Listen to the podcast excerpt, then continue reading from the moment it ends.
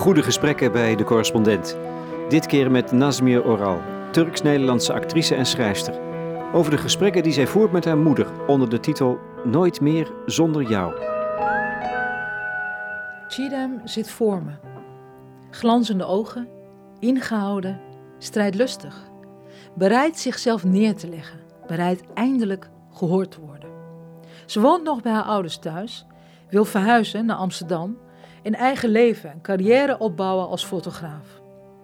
Fotograaf zijn is geen beroep voor een meisje, vindt haar moeder. Wat zullen de mensen wel niet zeggen? Als je weggaat, hoef je niet meer terug te komen. Aan tafel. Chidam vraagt het zout. Haar vraag valt dood. Niemand kijkt op of om. Alsof ze plots is gestorven. Bij leven en nabijheid ontkend, niet waargenomen. Er wordt wel gepraat, enkel via de app in beschuldigingen. Haar zussen.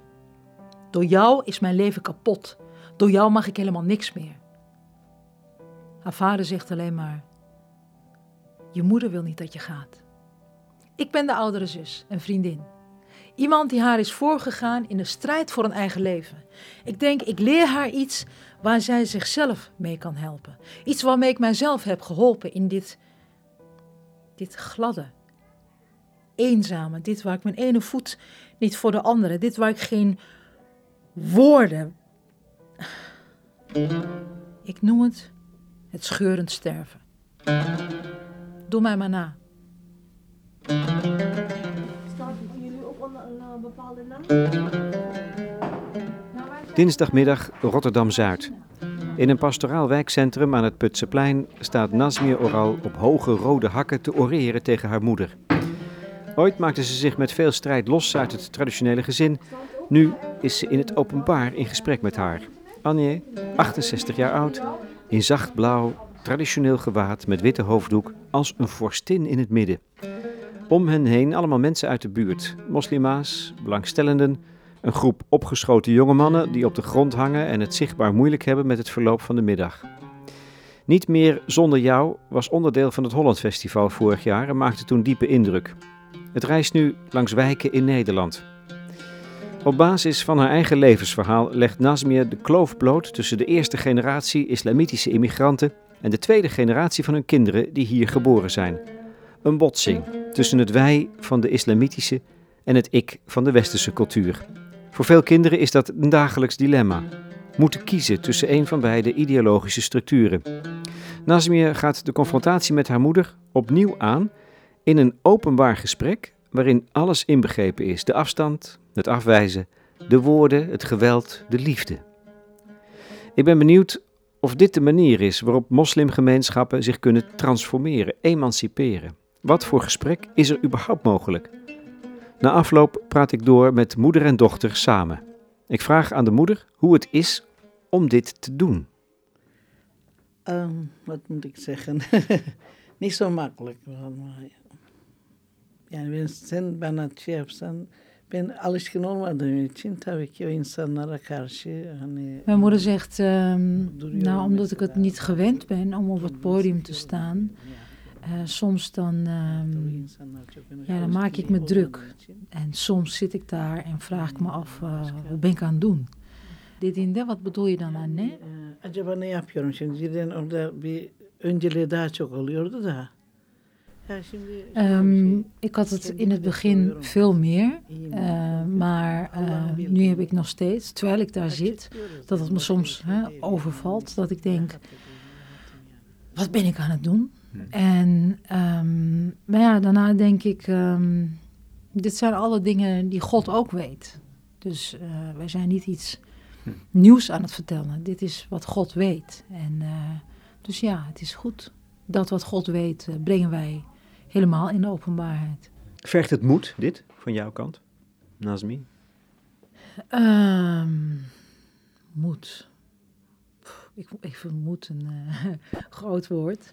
Ehm, nou, het vergt de bereidheid om in dat, in dat hele mooie plekje te stappen.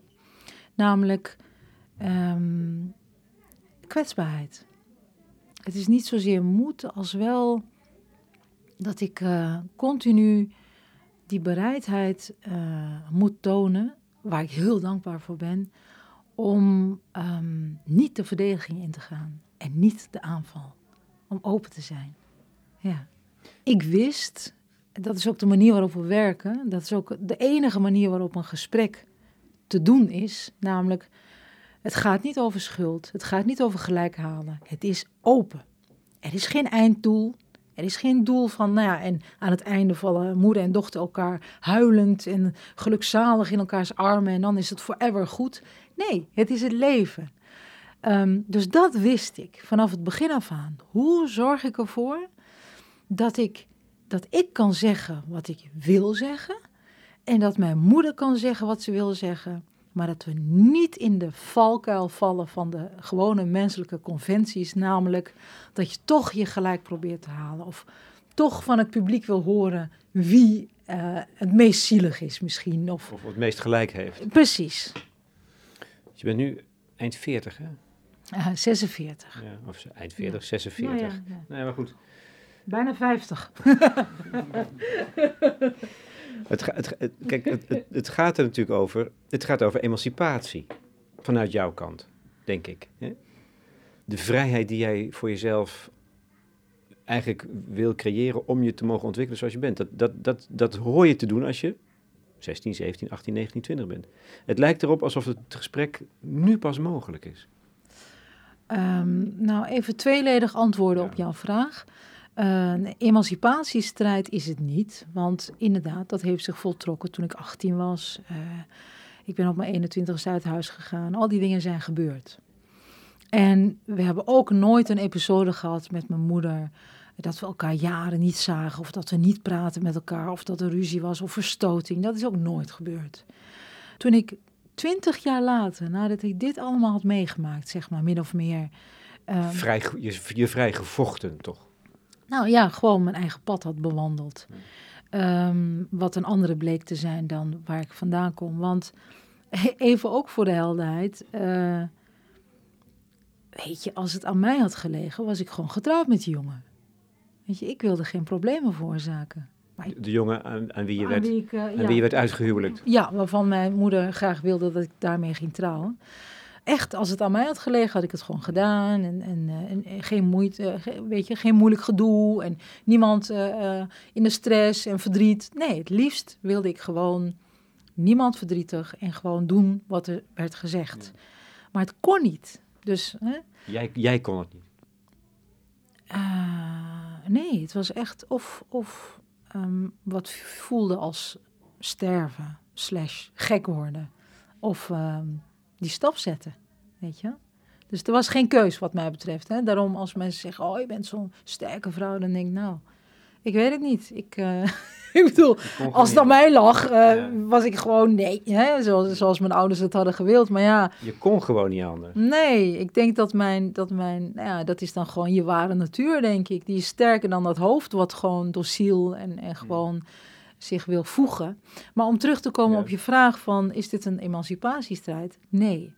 Het is wel een emancipatie, um, emancipatorische, hè, van binnenuit beweging. Het zaadje werd geplant doordat ik Chidam voor me zag, die ook al die prachtfoto's heeft gemaakt, die ook nu in de voorstelling zit. Twintig jaar jonger dan ik. Zat midden in een proces van weggaan thuis. Uh, precies hetzelfde. Aan de ene kant haar ouders, aan de andere kant het eigen leven. En ik was met haar gesprekken aan het voeren daarover. En ineens, echt waar, letterlijk, kreeg ik een soort download van haar situatie. Ik kon het voor het eerst van mijn leven tot in mijn uiterste hoeken, tot in elke atoom doorvoelen wat zij meemaakt. Nu zou je denken, ja, maar dat kende je toch? Nee, want ik was met overleven bezig. Dan stop je alles weg en je bent bikkelhard en je gaat door. Hè? Dus ik had het nooit en op dat moment werd ik zo woest, eigenlijk dus intens verdrietig. Omdat ik dacht, Jezus. En ineens zag ik echt dat landschap van al die vriendinnen en vrienden die ik ken, die een soort tweede leven erbij leven. Um, weet je wel, uh, misschien homo, homo zijn of een Nederlands vriendje hebben, maar niet aan hun ouders dat vertellen. En aan de andere kant al die ouders die, waarvan ik zeker weet dat ze echt ontzettend van hun kinderen houden. En ik dacht, het leven is kort. Zometeen valt een van die twee om. Ik met mijn moeder ook niet, die intimiteit. Zij zei, ik heb wel van alles gedaan. En mijn moeder heeft wel van alles gedaan. En ik heb daar met dat uithuwelijken bijvoorbeeld jarenlang ehm, bij bedacht. Nou ja, dat heeft ze vast gedaan, daarom of daarom. Maar ik heb geen echte intimiteit met mijn eigen moeder. Ik weet niet wat zij toen heeft gevoeld. Waar zij toen in zat. En ik dacht letterlijk, het leven is kort. Ze is al 68, ik ben 46. Misschien val ik zo meteen om, ben ik dood. En dan hebben we elkaar nooit echt aangeraakt. Nooit echt gezien. Dat vond ik, daar kon ik niet mee leven. En toen dacht ik, oké. Okay, Tierem gepakt met de camera. Naar mijn moeder. Uitgelegd en gezegd. Ik heb jou nooit gevraagd wat jij voelde. En toen wilde mijn moeder het meteen vertellen. Ik zei, nee, niet hier. Wil jij het met mij doen? Te midden van honderd mensen die we niet kennen. En ze zei ja.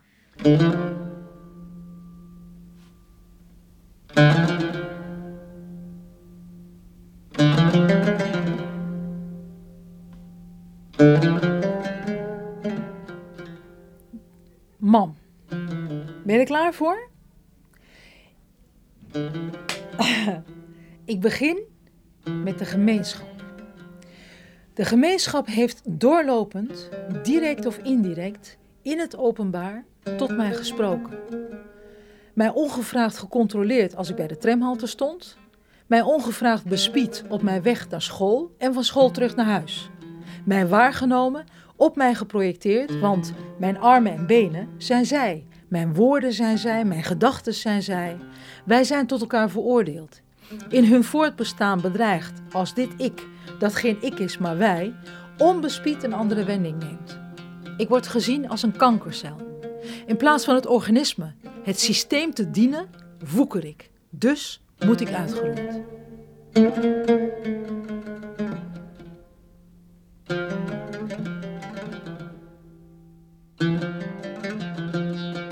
Waarom moest het te midden van mensen? Nou, kijk. Je ehm, bent natuurlijk theatermaakster, dat ja, weet ik wel. Maar toch, je, het is een hele andere vraag dan wanneer je dat aan je moeder in de intimiteit van de huiskamer eh, vraagt. Precies. Nou, zoals je zegt, ik ben eh, eh, acteur, schrijver, maker. En mijn overleving eh, is mijn werk geworden. Dus, eh, ik, en ik werk au- autobiografisch. Maar ik voelde ook instinctief en intuïtief. Ik dacht, dit is uniek. Want eh, ik heb een moeder die dit gaat doen. Dat weet ik. En zonder die eerste generatie is wat wij willen als de jongere generatie van dichter bij elkaar komen, toch zijn wie je bent, maar elkaar niet loslaten, heeft geen zin. Want dan is het een beweging van een paar zogenaamd verlichte, verlichte eh, zielen, klaar. Dus omdat ik wist dat zij ehm, haar stem, de stem van de eerste generatie die je niet hoort, die je niet ziet, zo ontzettend belangrijk was, wilde ik dat het openbaar zou zijn. Ja. Waarom wilde u het doen? Waarom wilde u dat gesprek?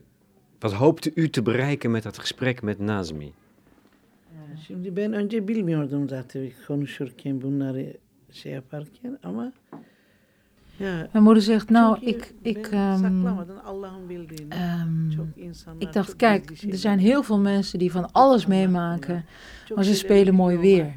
Ze, ze verstoppen het, ze doen zich anders voor, of ze doen net alsof er niks aan de hand is. En dat, ehm, eh, dat, dat wilde ik niet. Ik dacht, het zou goed zijn als je hè, dat wat God weet niet van zijn volgelingen eh, verstopt. Ehm, ja, daarom dacht ik, laat ons open zijn. Için. En wat is dan veranderd? Dus u bent veranderd dus. U bent dus ook Ik veranderd. Niet veranderd. Nee? Nee, eh, ja, eh, ik aan de kant keken. Daha çok değişik pencerelerden bakıyordum önceleri. Şimdi yaşadığım için çok Ehm, nou, mijn moeder zegt, ik ben niet veranderd, zaten maar ik, ehm, olduğum Ik gibi kijk anders. ja, ik kijk uit verschillende ramen nu. En ehm, omdat ik het nu heb geleefd en beleefd en het dus heb ervaren door het leven, een mens hoeft niet te veranderen, maar je kan door verschillende ramen kijken. Ik kijk nu door mooie ramen. Ehm, denkt u dat Nazmi gelukkig is? Mm, dacht ik niet. Wat voor, maar niet zien, net gelukkig is er. Nee, nee, wacht hem dan gelukkig is er, ja, niet. Ze is niet gelukkig. Nee, één moment, ik straks antwoord geven. Ik moet het begrijpen, jou iets- begrijpen, Ik moet iets vertalen, Ja. Lex. Ehm, nou, ze zei dus, dacht het niet. Maar ze zei, op welk vlak vraag je dat? Ja, als, als, ja als, als mens, gelukkig in het leven. Hè? Bence mutlu. Benim gibi annesi olduğu için. ze zegt, ik denk dat ze gelukkig is, omdat ze een moeder heeft zoals ik. Ja, echt waar? ja, denk, zo dacht ik wel. dus je bent, je bent goed voor haar geweest. Ehm, ja, niet helemaal goed, maar heb een idee, laat maar ben genezen en heb Anna er niet. Eh, mijn moeder zegt, ja, ik kijk, eh, ja, in, in wezen wel als een moeder zoals ik. Want ehm, eh, hoe we ook hebben gevochten, we hebben elkaar nooit losgelaten. Jij zat altijd in mijn hart. Dus je, maar je kan dus dat combineren met elkaar. Strijd voeren en Ja, elkaar liefhebben. Dat zei mijn moeder ook. Hoe, hoe stevig we ook ruzie hadden, hoe sterk we ook tegenover elkaar stonden. We hebben elkaar nooit losgelaten en nu begrijpen we elkaar. En ja, Heeft jouw moeder een gelukkig leven geleid? mijn moeder is een hele sterke vrouw, hele wijze vrouw. En mijn moeder heeft een heel zwaar leven gehad. Waarom is het zwaar? Nou, ze heeft, ehm, ze heeft echt heel, heel veel. Ze heeft, ze heeft dingen meegemaakt die een mens in drie, drie levens. eh, een broertje na mij die, die gewoon gezond is geboren, maar door een ziekte verstandig gehandicapt is geworden. Ehm, ik heb een doodgeboren broertje die met negen maanden is doodgeboren. Daar was ik bij trouwens toen dat gebeurde. Ehm, mijn moeder heeft mijn vader verloren, plots, op zijn 47 toen zij 44 was bleef ze achter met vier kinderen. Ehm, ja, en een dochter zoals ik, die weg was. En iedereen, weet je, toen zij mij heeft, ehm, toen ik ging trouwen met Henk, eh, toen, mijn vader dat is is ook- uiteindelijk de man die je zelf had eh, gekozen, toch? hè? ja, de, de vader van mijn dochters. Eh, wij zijn inmiddels al meer dan tien jaar gescheiden, maar een hele, hele goede vader en een hele fijne man. Ehm, eh, toen ik uit huis ging, vlak daarna is mijn vader plots overleden, twee maanden later. Dus mijn moeder heeft moeten dealen met dat ik er niet was, dat zij zelf kapot was, dat ze kleine kinderen had, waarvan er ook eentje verstandig gehandicapt thuis wonend dat iedereen aan het roddelen was, dat ik mijn vader de dood in had gejaagd. Eigenlijk continu een soort van ruzie met mij, of dat ik kwam en ook niks aankon en maar gewoon wegging of wat dan ook. Ik heb er niet voor haar kunnen zijn. Dat heeft zij allemaal alleen het hoofd moeten bieden. En dat heeft ze glansrijk gedaan. Waar zit dan haar wijsheid in? Ehm, dat is mijn moeders inborst. Dat, eh, soms hoor ik van het publiek aan het eind, dan zeggen ze: Goh, je moeder heeft wel veel geleerd. Dan denk ik: Nou, ik denk dat ik een reis moest afleggen en niet mijn moeder. Ik denk dat mijn moeder, het, het is gewoon zo aangevinkt bij haar, de kracht en die ruimte in zichzelf. Mijn moeder is altijd iemand geweest eh, waar mijn vriendinnen, vrienden eh, heel graag naartoe gingen en die hen begreep. Eh, als zij vriendjes hadden of als zij eigenlijk... ehm, nou, ik, ik heb een van mijn beste vrienden van middelbare school was eh, eh, homoseksueel. En, en ze had, haar hart is groot en haar wijsheid daarin, de ruimte. Je zegt aan het eind van de voorstelling van dat gesprek, wat het eigenlijk is. Want het is een echt gesprek. Jullie, zijn eigenlijk, jullie lijken ook echt nog steeds met elkaar in gesprek. Je speelt het niet, toch? Nee, je bent echt nog steeds met je dochter in gesprek. Ja. Konuşuyormuşuz diye.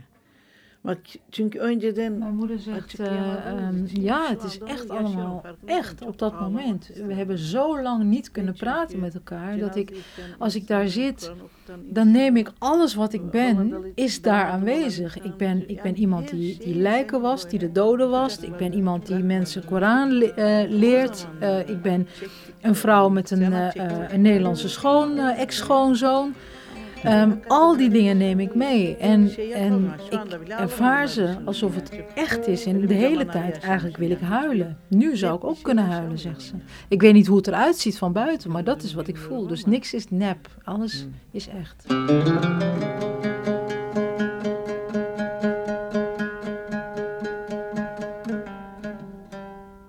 Jij en ik, Lex, zijn in één onderdeel wezenlijk anders. Jij hebt bij de geboorte eigen benen gekregen waarmee jij kon weglopen. Mijn benen zijn niet van mij. Die van Chidam en haar moeder zijn niet van hen. Die zijn opgebouwd uit het deeg, uit de regels van de gemeenschap. Niets behoort het ik toe. Je staat in dienst van het geheel. Dus je moet eerst eigen benen maken om überhaupt te kunnen weglopen. En bij het weglopen is er schuld. Het weglopen kan niet eindigen in vergeving. Nee, er is schuld. Die reikt aan de dood. Want de gemeenschap is iets afgepakt. Dus deze strijd is net een andere strijd.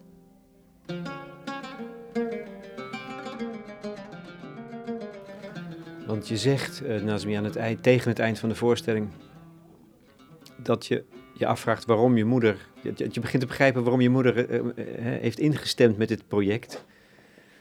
Ehm, en, maar ik weet niet precies hoe je erbij komt, maar dat je het gevoel hebt dat, dat je moeder ook nog een ander is dan, dan de tradities en de regels en de gemeenschap.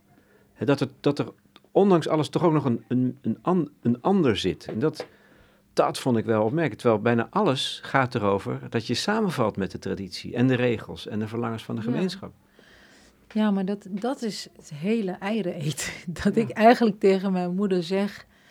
Ehm, eigenlijk heel simpel tegen haar zeg.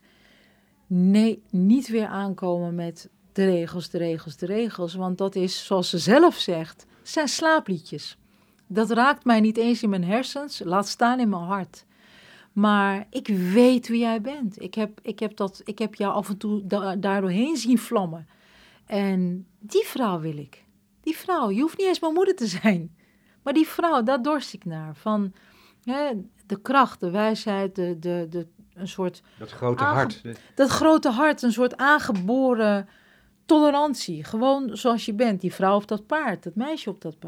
Ja, En- dat, dat, dat, dat heb ik gemist. Dat Ah. meisje. Dat, ik kwam namelijk Ja. door een bizar misverstand te laat binnen. Want ik stond namelijk op een andere plek in Rotterdam. Ja. En ik heb, mis, heb het begin gemist, dus ik weet niet wat je bedoelt. Nou, op een gegeven moment vraag ik mijn moeder, eh, dan zeg ik, ehm, soms vragen mensen wel eens aan jou, ben jij trots op eh Nazmi? Hè? En dan zeg je, ja, ik ben wel trots, maar, en dan lach je er heel stout bij, ik had het beter gedaan. Klopt dat? En dan zegt mijn moeder, klopt. Ja, als ik jou was geweest, hè, ik, eh, ben, ik ben een vrouw, ik ben de eerste keer, eh, heb ik mijn rijbewijs gehaald in Hengelo, allemaal vrouwen geholpen, de eerste die ging werken. Als ik al die mogelijkheden had gehad die jij hebt gehad, dan had ik veel verder geschopt. Jij hebt geen moed, zegt ze. Je bent laf, bent bang.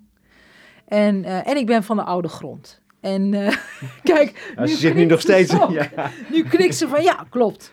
ze steekt een vuist, een balte Ja, vuist in de lucht. Zo van, ik. En ik denk ook dat ze gelijk heeft, trouwens. En, ehm, en, dan, en dan herinner ik haar aan het feit, dat, dat vertelde mijn moeder vroeger. Die zei, kijk, ook al woonde ik in een dorp, ik, eh, ik zag mij altijd anders. Ik zag mijzelf altijd bovenop een paard, geweer op mijn rug, vrij, stoer, sterk. Niemand kan mij wat doen. Ja, Ik nog steeds, als spiegels komt, dan ik snel weg. Kijk, een oude vrouw. maar ik, weet ik niet, ik ben nooit een zielige vrouw geweest. Nee. Nou, 25 jaar al zonder man. Ik zorg hem. Niemand help vragen, niks. Als wat wil ik, doe ik wel. Maar eerst goed denken. Nooit, ja, ik denk en ik nooit, waarom ik gedaan, nooit zeggen. Wat ik gedaan, alles goed. Van mij dus. Benim için yani. Maar in, in, in uw hart bent u nog steeds die jonge vrouw op dat paard. Ja, Met een geweer op de steeds, schuld terug. steeds, steeds. Als iemand, eh, ik denk en zo, natuurlijk eh, yeteri kadar krachtım olmaz ama şimdi size bir şey yapacak olsa gene üç tane adamı yutarım. Öyle hissediyorum. Mijn moeder zegt. eh, ehm, misschien heb ik nu eh, waarschijnlijk niet in het echt die kracht, maar als, als iemand jullie iets zou aandoen, kan ik drie mannen tegelijk verzwelgen. Öyle bir film baktı da benim işte diyorum biliyor musun? Als ze een actiefilm ziet, dan denkt ze: ah, kijk, dat ben ik. yani başarılı kadınları seviyorum. Ik hou van succesvolle vrouwen, zegt mijn moeder. Ja, wat bijzonder. De ruimte die jullie betreden samen, dat is wezenlijk ambigu, denk ik. Dat moet je ook zo ervaren. Nu nog steeds, denk ik. Het is niet, Wat Ja, bedoel je daar? nou, je lost het niet op. Je, lost, nee. je lost een spanning, ook tussen jullie, niet op. En is dat niet het geheim? Dat je met die spanning... Precies. Precies. Het zou. Bir dakika anneciğim. Ehm, het, het zou. ehm, wat bied je voor. Nee, weet je, oplossingen zijn niet interessant, vind ik. Hè? Nou ja, daar streven we wel altijd naar. Ja, Binnen een gezin dat- natuurlijk ook. Dat, dat Ja, je de dat- spanning opheft. Nou, spanning opheffen is iets anders dan oplossingen proberen te vinden. Ehm, Maar er is ook spanning tussen jullie. En die blijft bestaan. Of is dat dan toch, is dat dan toch minder geworden? Nee, dat, dat, wer, dat, dat verdiept zich, eh, wordt soms zelfs heftig. We hebben nu bijvoorbeeld vrij veel spanning, omdat we laag voor laag elkaar aangaan, maar echt aangaan. En ik voel mijn moeder nu. Ik voel waarin ik haar pijn heb gedaan. Of ik voel waarin ik denk, oh ja, dat had ik echt wel even wat anders kunnen doen. Soms kan ik het meteen binnen 10 minuten zeggen, soms kan ik het over een uur zeggen. Maar ehm, Dat is iets anders dan een oplossing. Want dat, eh, Nou- oplossingen zijn niet interessant, zei je. Nou, oplossingen zijn niet interessant in die zin, dan, dan heb je weer iets afgedicht. Dan weet ik weer wie jij, Lex, bent, of in dit geval mijn moeder is. Heb ik haar weer in een hokje gestopt. Oh ja, jij en ik zijn oké met elkaar en that's it. Maar het leven en een mens en een relatie tussen twee mensen, moeder, dochter, familie, maakt niet uit, is een levend, ademend iets. Die moet je eer aandoen door het vers te houden. Fris, elk moment fris. En het enige waar het om gaat is, kan je elkaar, kan je intiem zijn met elkaar? Kan je elkaar aankijken en denken, oh, of zeggen, oh, oh, dat, dat zij bijvoorbeeld tegen mij zegt, oh, ik zou je nu zo'n klap willen geven. Maar ja, ik doe het niet, want ik hou van je. Weet je wel, zo. Dat, dat leeft, dat ademt en dat is waarachtig.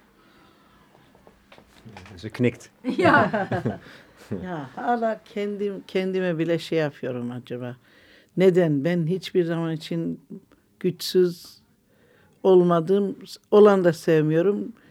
Bilmiyorum ben yani hiç e, bir şeye istediğim her şeyi yapan, yapmak isteyen hala bugün aynı şeydeyim. Hiç şeyim değişmedi. Sana da bazı kızarken şey yaparken Mijn moeder zegt, het, is, het is gek. eh, En, en dan zijn we dat aan het doen. En we zijn, en ik zie jou en, we doen het. En, en ehm, nog steeds wind ik me op. En nog steeds wil ik eigenlijk mijn eigen zin doordraaien. Ik wil dat alles volgens mijn regels gaat.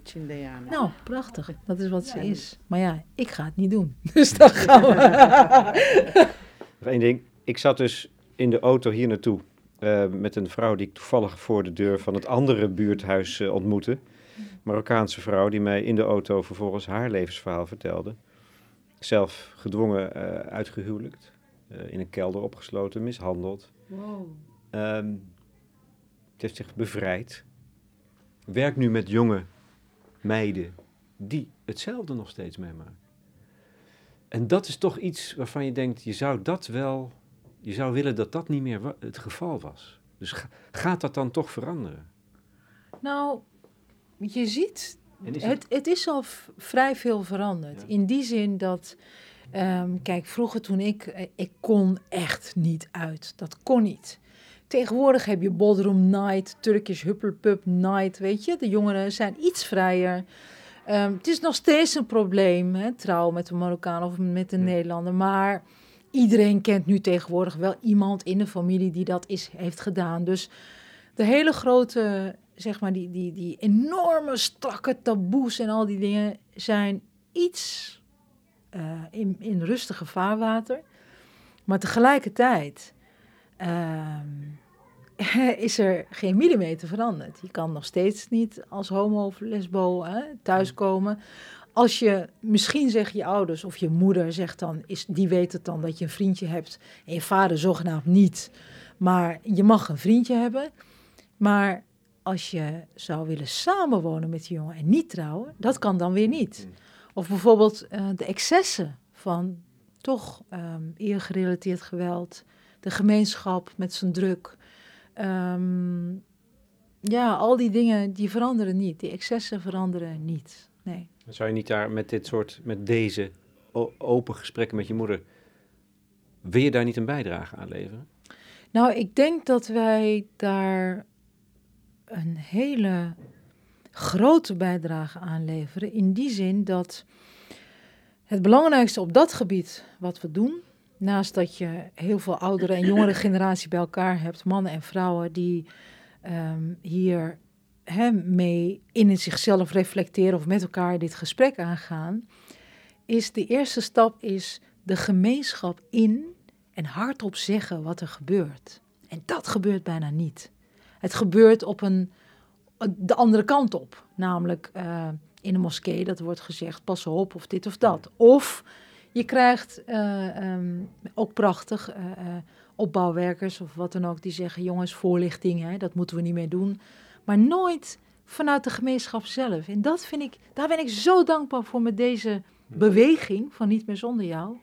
Dat het niet alleen mijn moeder en ik is, dat het niet alleen Chidam is en mijn collega's die hebben meegedaan, maar dat er twintig gezinnen, vaders en moeders, de eerste generatie en de generaties daarna, zich hebben ingezet en allemaal rijp lijken te zijn van binnenuit tot openbreken. Die zwijgzaamheid, die controle, niet meer openbreken. Ja. Want daar geloof je in. Dat is, dat is wat bevrijdt. Hardop, hardop zeggen, je uitspreken. Ja, die, dat isolement is, is heel erg uh, heftig. Ik zie heel veel ouders die noodgedwongen door het leven uh, niet meer kunnen vasthouden aan hun regels van tradities en al die dingen. En weten dat ze hun ouderschap moeten herdefiniëren, maar niet weten hoe.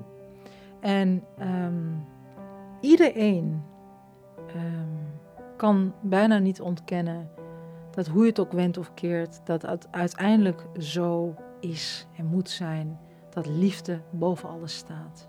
Liefde boven de buurman of de buurvrouw en hun woorden, snap je? En daarvoor, om dat te doorbreken, moet je voorgaan en moet je je mond opentrekken en moet je zeggen: jongens, jullie, de gemeenschap, ik maak jullie medeplichtig. Ik maak jullie, net zoals ik ook in de voorstelling zeg, ik spreek tot jouw oren. Ik spreek tot elke afzonderlijke schakel van deze keten. Zie mij met jouw blootste oog en ik onthef je van je taak te waken. Gewoon als individu, niet meer als groep.